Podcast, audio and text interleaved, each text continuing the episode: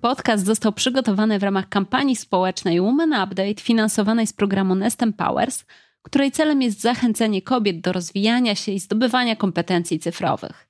Inicjatorem kampanii jest firma szkoleniowa Future Colors. Zapraszamy do słuchania. Cześć, nazywam się Agnieszka Hacińska i na co dzień prowadzę podcast Kobiety Internetu. W ramach kampanii Women Update realizuję cykl rozmów, które mam nadzieję zainspirują Was do wejścia w świat nowych technologii. W tym odcinku poznacie Agnieszkę Szebestę, dyrektor do spraw zarządzania programami transformacyjnymi w obszarze sieci IT w Credit Suisse. W tej rozmowie usłyszycie, jak przekuć w sukces wyzwania związane z powrotem do pracy po urlopie rodzicielskim oraz macierzyństwem. I przede wszystkim, dlaczego czasem warto się cofnąć, aby skoczyć dalej.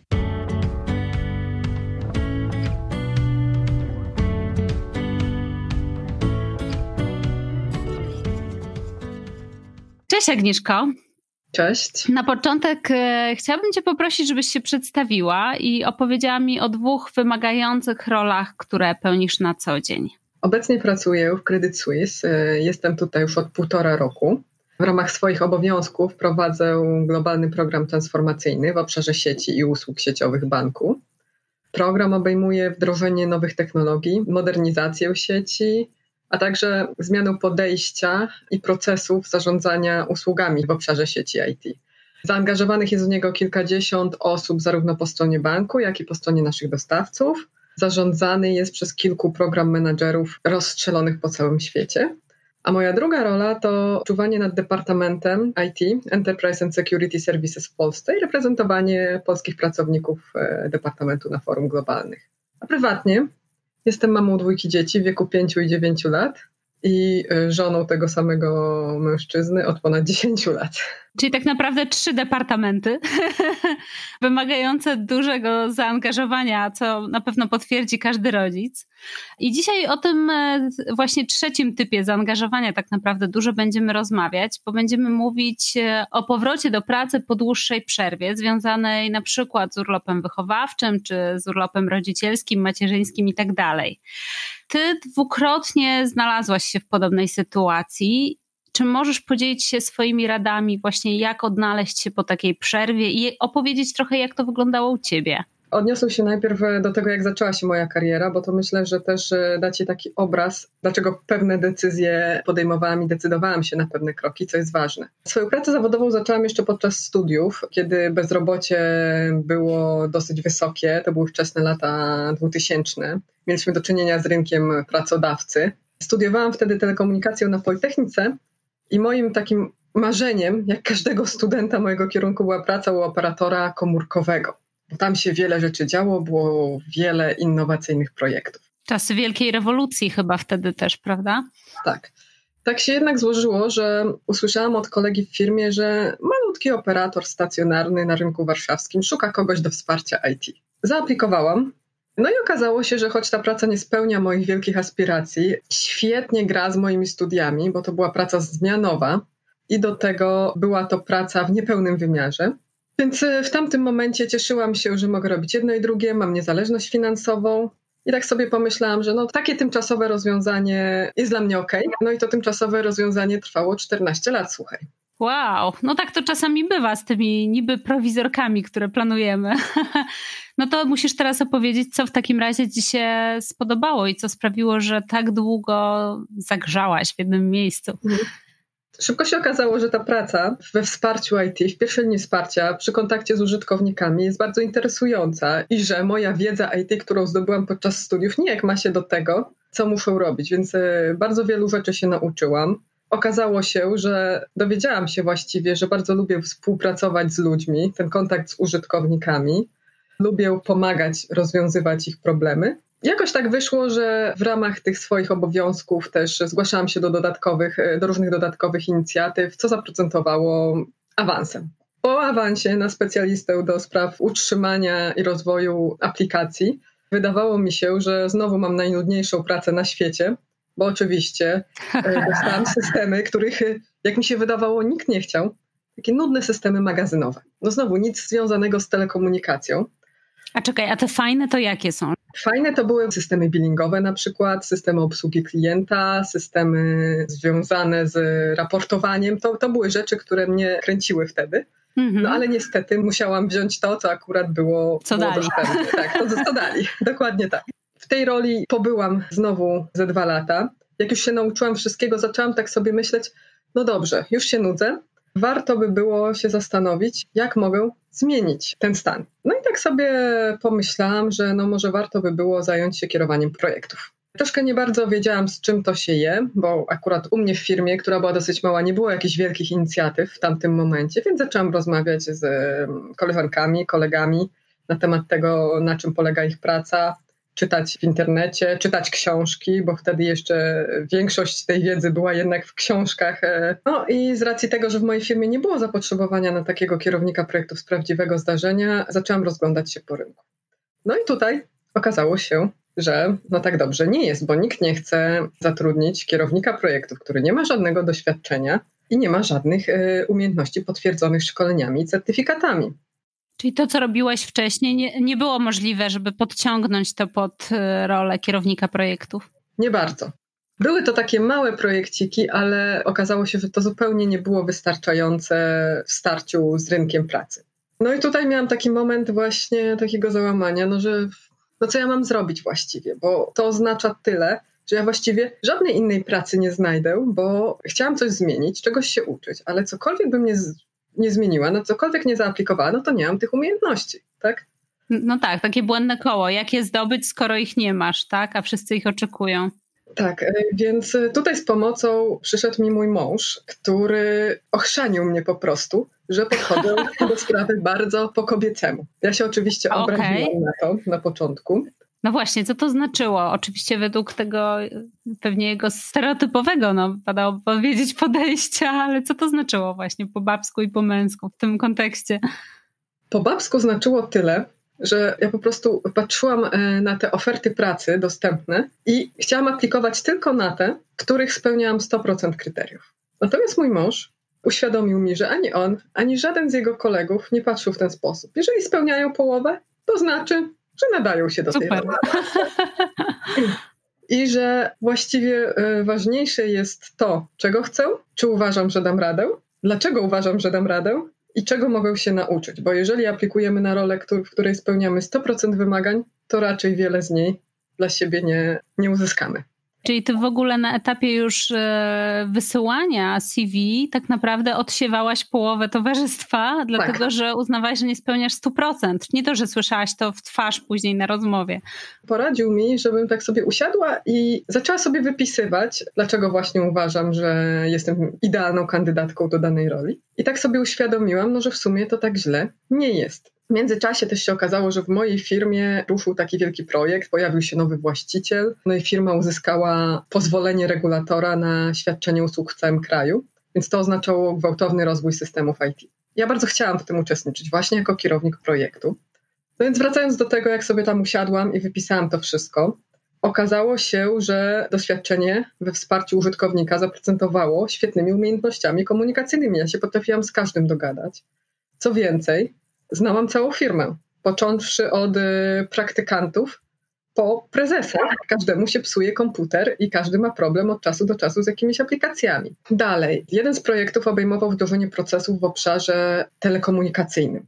Ja skończyłam studia telekomunikacyjne. Wprawdzie no już kilka lat nie pracowałam w zawodzie, ale no, nie było problemem dla mnie douczenie się i odświeżenie tej wiedzy i znalezienie wspólnego języka z kolegami sieciowcami. Czyli spełniałaś wszystkie punkty, a nie tylko połowę. Ale to więcej. Miałam doświadczenie z systemami magazynowymi i finansowo-księgowymi, z tymi nudnymi na początku. Mhm.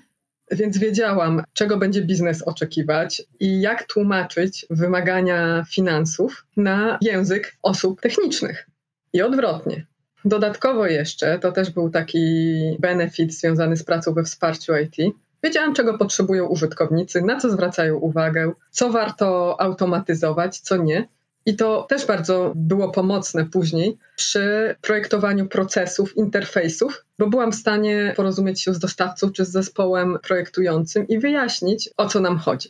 No więc właśnie, mając to wszystko spisane, odważyłam się, umówiłam się na rozmowę z szefową Departamentu IT Wygłosiłam długą tyradę na temat tego, dlaczego uważam, że świetnie sprawdzę się w tej roli. No i słuchaj, okazało się, że dostałam tą rolę kierownika dużego projektu. Czyli wszystko, co sobie wymyśliłaś. Tak, wprawdzie kierownik działu rozwoju musiał obiecać, że będzie mnie mocno nadzorować i pilnować, za co do dziś jestem mu bardzo wdzięczna. Ale szybko okazało się, że właściwie te szkolenia, certyfikaty, których mi brakowało i które były dla mnie taką barierą trudną do przeskoczenia, nie są wcale takie potrzebne, ale właśnie ta taka motywacja, zorganizowanie, chęć zrobienia, wykonania dobrej roboty i te umiejętności telekomunikacyjne to są właśnie cechy y, dobrego kierownika projektu. Fajne jest to, co pokazałaś, że ty sama po to sięgnęłaś tak naprawdę, sama porozglądałaś się za tym, co mogłabyś robić, gdzie i po prostu o to zawalczyłaś, tak? Nie czekając, aż sam się ktoś do ciebie zgłosi. Tak, i wydaje mi się, że to jest bardzo ważne w przypadku zmiany zajęcia, bo e, jeżeli sobie dobrze ułożymy i w głowie uświadomimy, w czym jesteśmy dobre, czego oczekujemy tak naprawdę, no to będzie nam łatwiej znaleźć tą wymarzoną pracę. Po drugim urlopie macierzyńskim, w sumie po ponad półtora rocznej nieobecności musiałam wrócić do pracy. Jeszcze przed zakończeniem urlopu mówiłam się z moim szefem na spotkanie, by ustalić, jak ten powrót miałby wyglądać, jak ja się mam do niego przygotować, czego mogę oczekiwać. To był bardzo interesujący moment e, gdyż e, grupa kapitałowa, w której pracowałam, poczyniła kilka akwizycji, było mnóstwo zmian, łączenia firm. Dodatkowo, no, po tak długiej nieobecności, mój zespół, wtedy już e, kierowałam działem IT, sobie świetnie radził po prostu, nie potrzebował dodatkowej szefowej, więc e, wolałam się zawczasu upewnić, czy tak naprawdę mam po co wracać. Oczywiście żaden pracodawca nie powie, czy nie jest w stanie powiedzieć, że zaraz po powrocie pracownica otrzyma wypowiedzenie albo że nie ma miejsca. Ale w trakcie takiej otwartej bardzo rozmowy dowiedziałam się, że no, podjęta została decyzja o konsolidacji firm. My, jako mniejsza firma, no niestety jesteśmy na przegranej pozycji. Nie będę potrzebna w mojej roli w nowej spółce, więc jeżeli będę chciała pozostać, no to będę musiała sobie znaleźć zajęcie spośród obecnie otwartych, dostępnych ról. No właśnie, to też e, fajnie pokazało, co mówisz, że tak naprawdę dużo rzeczy się działo, o których w ogóle mogłaś nie wiedzieć, związanych z sytuacją na rynku, z konsolidacją. Dokładnie tak. I właśnie ta otwarta rozmowa, takie wyłożenie kart na stół i z mojej strony, czego ja bym chciała, czego oczekuję, i ze strony mojego przyłożonego, bardzo pomogło nam znaleźć e, rozwiązanie. Tutaj, w tym momencie, mi nie zależało już e, tak na szybkim rozwoju kariery, tylko bardziej na tym, żeby mieć czas dla dzieci, dla rodziny. już po pierwszym urlopie macierzyńskim. Jasne i zderzeniu z nową rzeczywistością wiedziałam, że dzieci będą potrzebować mojej obecności, że nie będę mogła zostawać po godzinach. Ciągle jeszcze karmiłam piersią, więc e, też mi zależało na takim skróconym czasie pracy i skorzystaniu z przerw. Mhm. Więc e, no, dla mnie odpowiedź była jasna, że pozostanę w grupie kapitałowej, gdyż e, no, pozwoliło mi to skorzystać z ciągłości pracy, no i wynegocjować te właśnie preferencyjne warunki które przysługują kobietom wracającym po macierzyńskim. Z tym zastrzeżeniem, no, że musiałam wrócić do mojej poprzedniej roli kierownika projektu, ale to też wydawało mi się dobrą opcją na ten czas, no bo wiedziałam, że ta praca będzie mniej stresująca od kierowania mhm. i odpowiedzialności za zespół pracowników. I będę miała więcej energii, żeby po prostu poświęcić e, ją moim dzieciom. Czyli tak naprawdę zrobiłaś krok w tył z szefowej zespołu do kierownika projektów. Tak. Czy to jest tak, że miałaś jakieś oferty y, jakby do wyboru i wybrałaś po prostu jedną z nich? Rozmawiając z moim obecnym szefem, poprosiłam go, żeby mi podpowiedział, w którym kierunku mogę pójść, jak w ogóle tutaj y, tą całą sprawę załatwić. Mm-hmm. I no, ponieważ już był zorientowany dość nieźle w tym, jak funkcjonuje nowa firma, co jest dostępne, podsunął mi kilka możliwości, no i jedną z nich właśnie była rola kierownika projektów. Ponieważ mm-hmm. to była rola mi znana, no to dla mnie po prostu była naturalnym wyborem. Musiałam przejść przez rozmowę mhm. kwalifikacyjną, jak każdy inny kandydat z rynku. Tutaj rekomendacje no, nie miały aż takiego znaczenia. Mhm. I to były właściwie takie dwie główne zmiany, o których chciałam tutaj opowiedzieć, żeby właśnie też przejść może do tego, co jest ważne. Ja się nauczyłam w tej całej ścieżce, że po pierwsze to jest ok, e, jeżeli nie chcemy tej zmiany jest ok, jeżeli mamy problemy związane z tym, że do końca nie wiemy, czego chcemy sami, mm -hmm. tak? Ale tak naprawdę to wszystko zależy od nas, od tego, jak się przygotujemy jakie decyzje podejmiemy, na co się zdecydujemy. Zależy od nas, jak się potoczy ten cały proces i w jakim miejscu ostatecznie wylądujemy. Szczególnie dzisiaj, kiedy mamy rynek pracownika i kiedy te możliwości właściwie pracy w IT są nieskończone. No właśnie, bo ty finalnie na swoich decyzjach. Yy mogę chyba powiedzieć, że bardzo skorzystałaś, bo udało ci się zmienić tą rolę. Wydawałoby się, że to jest krok w tył, ale tak naprawdę był to krok do przodu, bo zostały ci powierzone dużo poważniejsze projekty i obowiązki w większej spółce. Dokładnie tak. I co więcej, okazało się, że na przykład praca w małej spółce, której wymagana była wszechstronność, znajomość różnych obszarów, bo spółka nie mogła sobie pozwolić na posiadanie wąskich specjalizacji i osób znających się tylko na małym wycinku. Bardzo to pomogło właśnie w pracy przy takich wielkich projektach korporacyjnych, bo ileś rzeczy było dla mnie już w naturalny sposób oczywistych i znowu łatwiej było mi nawiązywać relacje, komunikować się, czy wiedzieć, do kogo się udać i w jaki sposób właśnie rozmawiać. Tu w tym wypadku był to taki pozorny krok w tył. Tak sobie myślę, co było ważne w tym wszystkim, to było to, że do tego też się przygotowałam, tak jak poprzednio. Wypisałam sobie, czym jestem dobra, na czym mi zależy. I to mi pomogło przygotować się do wszelkich rozmów z pracodawcą, do negocjacji i sprawić, że ja się w tej roli też czułam dobrze. Także pomogło mi uwierzyć w siebie, bo jednak po takiej długiej przerwie, półtora rocznej, to umówmy się, zapominamy wiele rzeczy. Wydaje nam się, że no, ten przeskok będzie bardzo ciężki. No plus też y, dużo rzeczy się zmienia, prawda? Zwłaszcza w świecie technologii. Tutaj wszystko pędzi do przodu.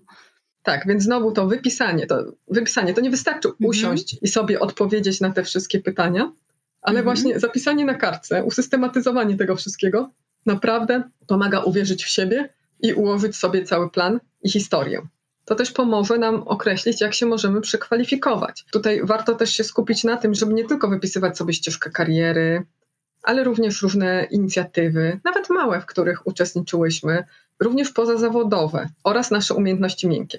Może się okazać, że na przykład, jeżeli nie wiem, zarządzałyśmy projektem, czy pracowałyśmy w projektach badawczych na uczelni, że to świetnie zaprocentuje w pracy analityka IT.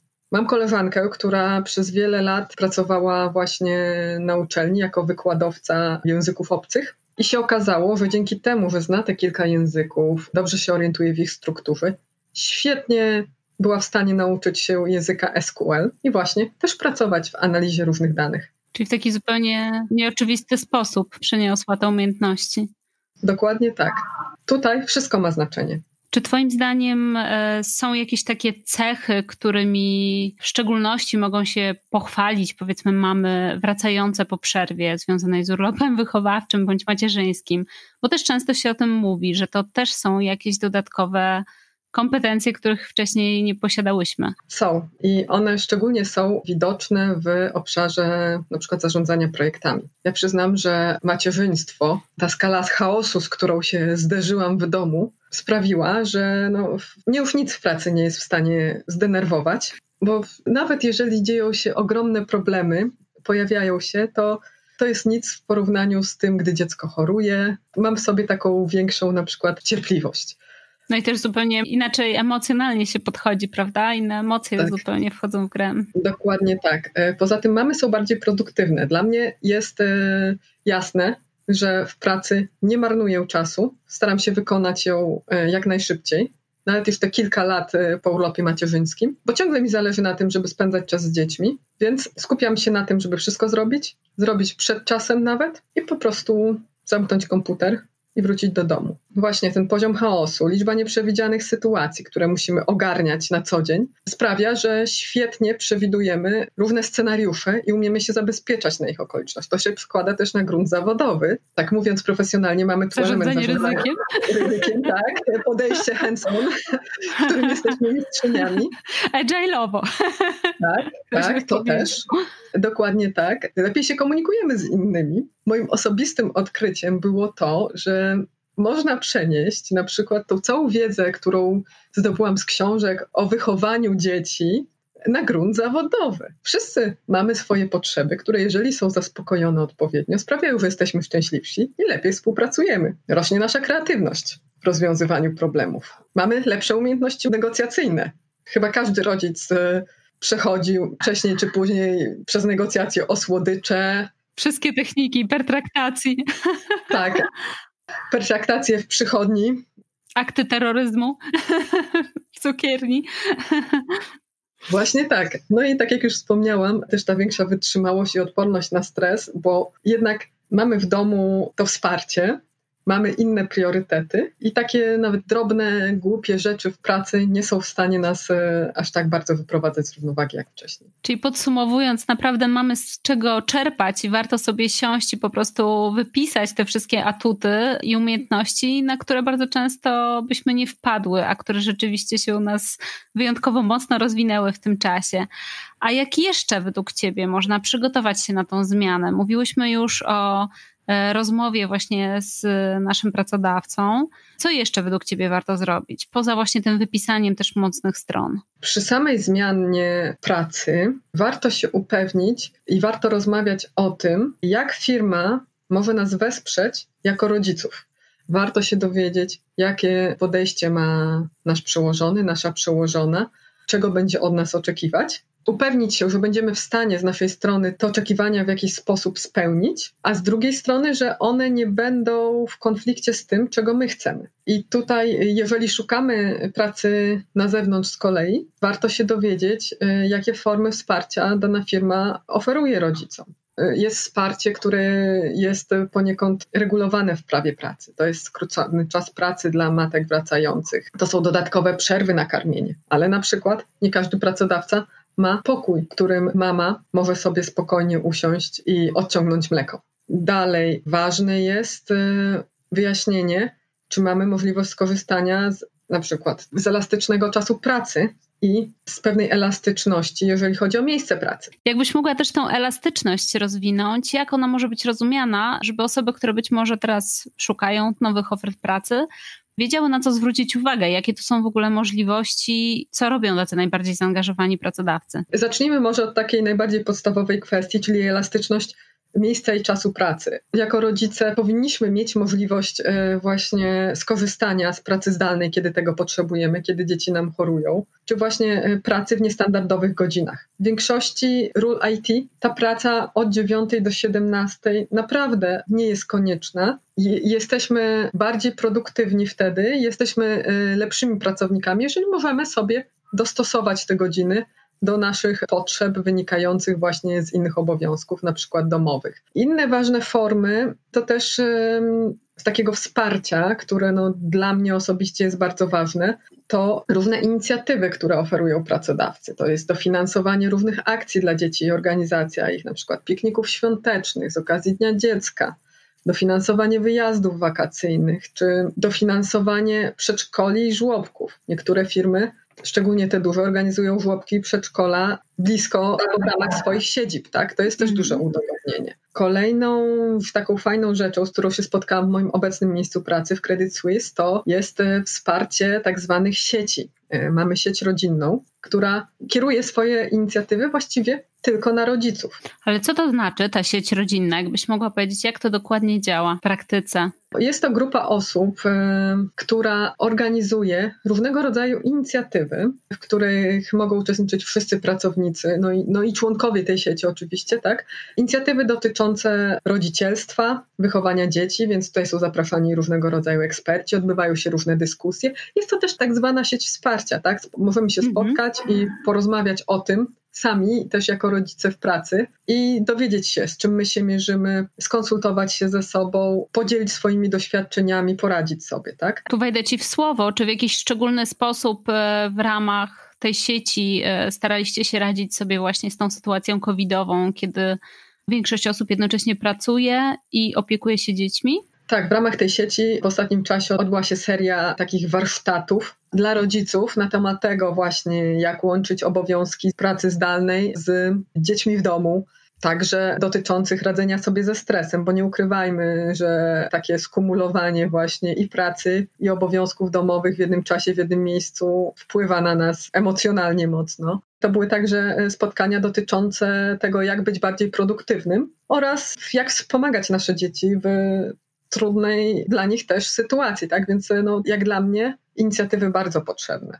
Dla mnie osobiście jest bardzo ważne to, że wiem, że mam w organizacji wsparcie. Mogę porozmawiać z moimi koleżankami, które mogą mieć inne doświadczenia, podobne, znajdują się na różnych stanowiskach, y, wyżej, niżej w hierarchii i że możemy zawsze się wesprzeć, a także że jest ktoś, kto pomoże mi, gdy okaże się, że będą mieć jakieś problemy właśnie w związku z tą rolą mamy i rolami zawodowymi mhm. których nie będę w stanie sama rozwiązać w komunikacji z moim przełożonymi. Do tej pory takiej sytuacji nie było, ale mhm. taka sama świadomość tego, że to wsparcie jest, że jest sieć mentorów dostępnych dla każdej z nas, to jest naprawdę dużo i daje duży komfort psychiczny. Super, bo z jednej strony większe możliwości rozwoju, a z drugiej strony też w razie jakiejś sytuacji, której ty ze swoim przełożonym nie potrafiłabyś rozwiązać, jest ktoś, kto może spojrzeć na to z zewnątrz i zaproponować jakieś rozwiązania na przykład z innego podwórka, jeżeli dobrze rozumiem. Czy coś jeszcze ci przychodzi do głowy, tak patrząc na bazie twoich doświadczeń, na co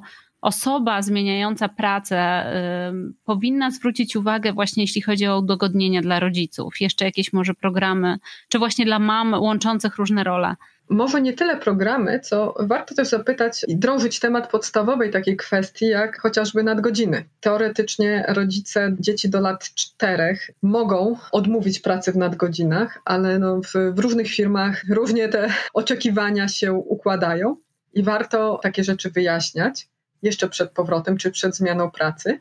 I warto też samemu się ułożyć na to, na ile jesteśmy gotowe na przykład pracować w dodatkowym wymiarze. I jeżeli podczas takiej rozmowy, myślę, że to jest najważniejsze, czujemy, że pracodawcy nie są pomyśli już same nasze pytania, mhm. to na pewno warto się zastanowić, czy to jest miejsce, miejsce dla nas. Mhm. Dla nas. I jeszcze właśnie, bo zapytałaś o takie dodatkowe inicjatywy. Warto zawsze patrzeć na ofertę szkoleń, które oferuje nam e, nasz pracodawca. Świetnie, bo rozumiem, że to jest coś, na co często nie zwracamy uwagi na etapie rekrutacji. I tutaj też mam takie pytanie do ciebie, czy ty byś o te rzeczy typu właśnie nadgodziny, czy też y, tą ofertę szkoleniową pytała już na etapie rekrutacji? Zawsze pytałam na etapie rekrutacji o takie rzeczy, mm. dlatego że wychodziłam z założenia, że dla mnie jest ważne, żeby poznać pracodawcę i żeby się dowiedzieć, jak pracodawca może też wspierać mój rozwój a nie tylko jak może czerpać e, z tych moich umiejętności, z mojego rozwoju. i mojej pracy. Tak.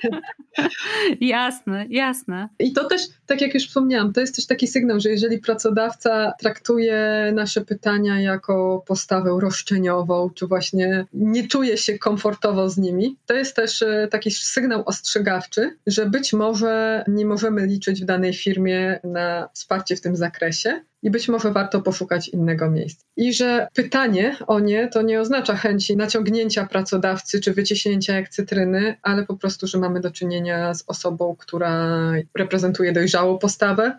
Uczciwie podchodzi, prawda, do, do, do swoich obowiązków. Agnieszka, a w momencie COVID-u, kiedy tak bardzo wiele się zmieniło, jeśli chodzi nie tylko właśnie o samą możliwość pracy zdalnej, ale w ogóle też czas tej pracy, to jak to łączyć z jednoczesną opieką nad dziećmi w domu. Czy były jakieś takie momenty, kiedy ta komunikacja w firmie okazała się szczególnie cenna i udało Wam się wypracować jakieś nowe modele działania? To, co u nas w firmie zrodziło się właśnie z tej całej sytuacji, to taki pilotażowy program dotyczący nowych sposobów pracy z domu, w którym uczestniczy dość spora grupa pracowników, którzy pracują właśnie na różne sposoby i dzielą się swoimi spostrzeżeniami na temat tego, jak się odnajdują w danym trybie pracy, czy ten tryb dla nich działa, czy nie działa, dlaczego, co być może jeszcze warto byłoby zmienić. Te wyniki są analizowane przez pracodawcę i na tej podstawie zostanie wypracowany y, sposób, w jaki będziemy pracować już po tym covid tak? Na zasadzie już w ogóle nowego podejścia do pracy. Tak, i dla mnie to jest fantastyczna sprawa, jeżeli wiem, że mogę mieć wpływ na to, jak będziemy pracować i że pracodawca nas słucha, a nie tylko mhm. odgórnie wydaje decyzje. To się zdarza rzadko, ale jest bardzo ważne. Tak jeszcze, co w tym COVID-zie jest też takie bardzo ważne, a o czym nie mówiłyśmy, to pomoc psychologiczna. I to nie tylko dla rodziców, ale również dla pracowników. Wszyscy czytamy wiadomości, jak COVID y, na nas wpływa, może wpłynąć na nasz stan psychiczny, emocjonalny. Cała izolacja. Y, może podnieść poziom stresu właśnie związany z pogodzeniem obowiązków. I myślę też, że fajnie jest, gdy pracodawca jest nam w stanie pomóc, taką pomoc y, zorganizować, zapewnia taką pomoc. Jasne, jest to rzeczywiście dodatkowy atut, który, no jak rozumiem, też u Was jest dostępny. Tak. Świetnie, Aga. Powiedziałyśmy sobie tak naprawdę o bardzo wielu rzeczach, bo powiedziałyśmy o tym, e, na co zwrócić uwagę, wracając do pracy po przerwie, jak zadbać o to, żeby dobrze pokazać swoje kompetencje. Mówiłyśmy o tym też, na co zwrócić uwagę mogą mamy, które wracają właśnie do nowego pracodawcy bądź na dotychczasowe miejsce pracy, ale już inne rzeczy są dla nich cenne i na to, jak rozpoznać takiego pracodawcę, który jest przyjazny mamą.